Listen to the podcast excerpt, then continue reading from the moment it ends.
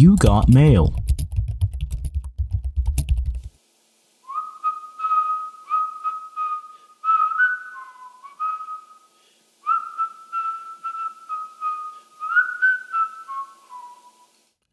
Det er torsdag. Klokken den er 13. Det er lige før jul, og lige før hjemsendelse, eller skal vi sige fjernundervisning. Og jeg har sat mig i sofaen øh, med Lotte, øh, og jeg har i dag tænkt mig at snakke med hende om, jeg ved ikke, hvad man kalder det, om det er uansøgt masseafskedelse, men, men procedure for, for, for større afskedelsesrunder. Øh, vi skal snakke lidt om det her med, øh, med fjernundervisning og hjemsendelse, eller hvad vi kalder det. Vi skal snakke lidt om HR, øh, hvor HR-funktionen bliver af i fremtiden. Og så er det jo snart jul, og det skal vi også vinde.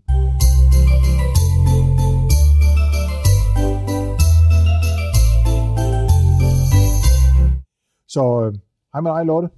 Hej. Jeg ved, at I for et stykke tid siden øh, i SU har lavet et stykke papir om øh, større fyringsrunder. Det er rigtigt, vi har lavet et stykke papir der, øh, omkring uansøgt afsked, hedder det i sådan et HR-sprog. Øh, og det har vi faktisk gjort for at være det, som AP Møller så rigtigt sagde og gjorde, øh, for at være i øh, rettidig omhu. Øh, der er overhovedet ikke noget på trapperne, på ingen måde. Men det er for, at det øh, ikke kommer bag på os, når det, hvis det sker engang. Øh, det er for, at det ikke bliver sådan lidt subjektivt, hvad synes vi, men at vi i fredstid har diskuteret med hinanden, hvad er det for nogle kriterier, der skal til, øh, hvis vi kommer derhen. Det er udelukkende det, og det er afsindig vigtigt for mig at sige, at der er noget på vej. Det er bare for at være, gøre det professionelt. Nu ved jeg ikke, hvor mange af dem, der lytter med her, der har været inde og lede og læse sådan nogle stykker papir her. Øh, og jeg ved, jeg tror heller ikke, de er hemmelige på den måde. Men hvad er det så for nogle kriterier? Er det noget, du kan sige noget om? De er overhovedet ikke hemmelige. Men jeg bliver simpelthen nødt til at sige, at jeg ikke kan huske kriterierne sådan i detaljer. Jeg ved bare, at det, der er vigtigt, det er, at det skal være så objektivt som muligt. Vi skal tage hensyn til, hvad er det for nogle opgaver, der ligger foran os, og ikke bagved os. Og at det ikke må være, hvem synes vi er bedst om. Men hvad er det for nogle opgaver, vi skal løse? Så hvis man som medarbejder tænker, det vil jeg gerne vide noget mere om, så kan man jo fremsøge det sikkert inde på skolens intranet, ja. på Teams et eller andet sted, tænker jeg. Ho, ho, ho.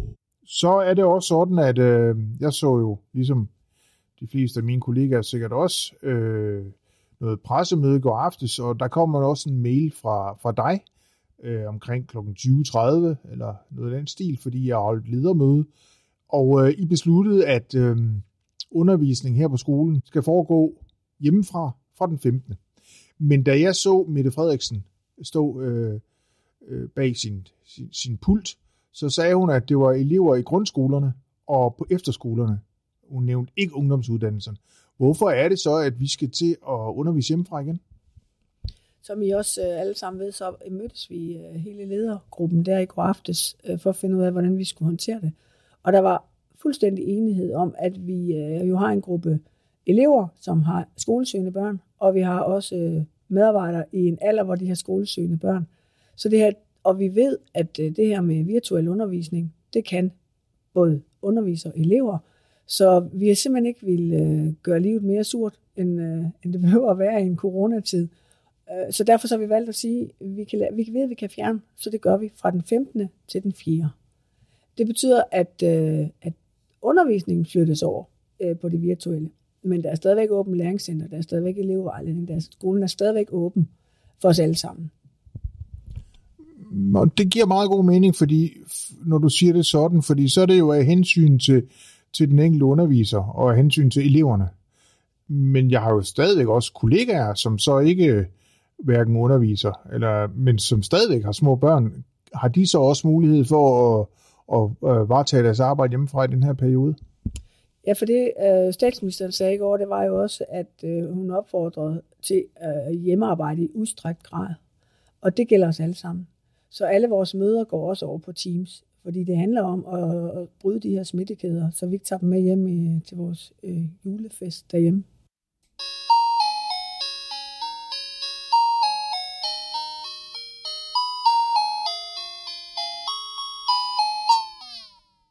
Så fik vi en mail her forleden dag om, at øh, en medarbejder, eller en af lederne, Lone, har sagt sin stilling op øh, som HR-chef. Og i samme mail, så, eller i en anden mail, så står der også, at øh, den søges genbesat, men, men ikke, øh, ikke nødvendigvis lige i hendes stilling, men en stilling, som kombinerer både HR og økonomi og administrationsledelse osv. Så kan man jo stille sig, eller jeg har stillet mig selv det spørgsmål, forsvinder HR-arbejdet så i forhold til, eller til fordel for, for økonomisk overblik og til fordel for, at administrationen skal køre osv., eller, eller er der andre, der skal lede HR-arbejdet, eller hvad tænker I egentlig? Det forsvinder i hvert fald helt sikkert ikke. Det, vi har gjort her, det er, at vi har slået det, der klassisk hører sammen, sammen. Altså HR, økonomi og administration under én chef. Øhm, og HR er jo både HR-drift og HR-udvikling i sådan en, en klassisk forstand. Altså det med, at vi får løn, men samtidig med også, at vi bliver kompetenceudviklet alle sammen. Det fortsætter stadigvæk i et tæt samarbejde med, med ledere og medarbejdere.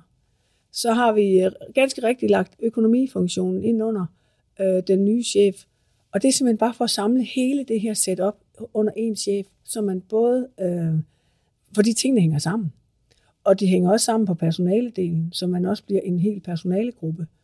Øh, så, så der, er ikke, der er ikke andet i det end det. Der er ikke nogen opgaver, der løber ud eller bliver overtaget af andre. De er alle sammen lige vigtige.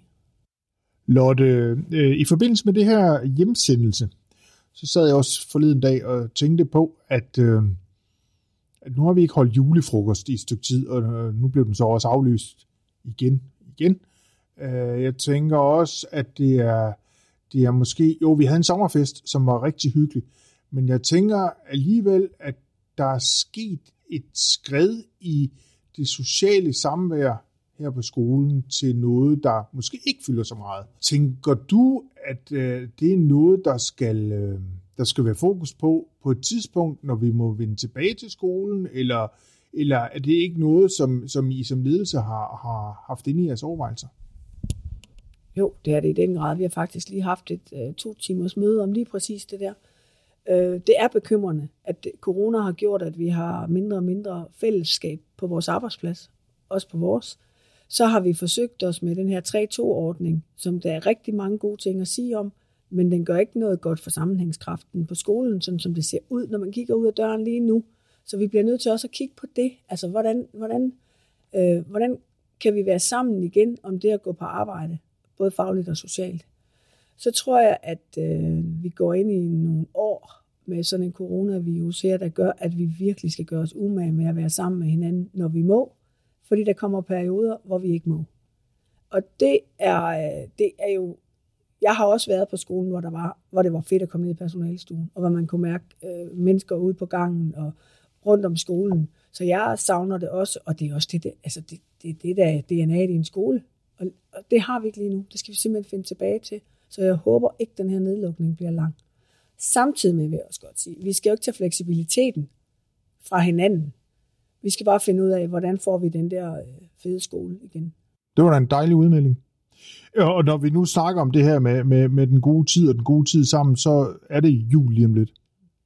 Og for også at bringe lidt hygge ind i det her, så vil jeg da gerne spørge dig, øh, sådan helt privat, hvordan skal du holde jul? Jeg skal faktisk øh, holde jul øh, hjemme hos min datter. For første gang skal jeg ikke holde jul hjemme hos os selv for mine børn. Det der med, at, at øh, nu er ens børn så store, at øh, det ligesom bliver os, der skal på besøg hos dem.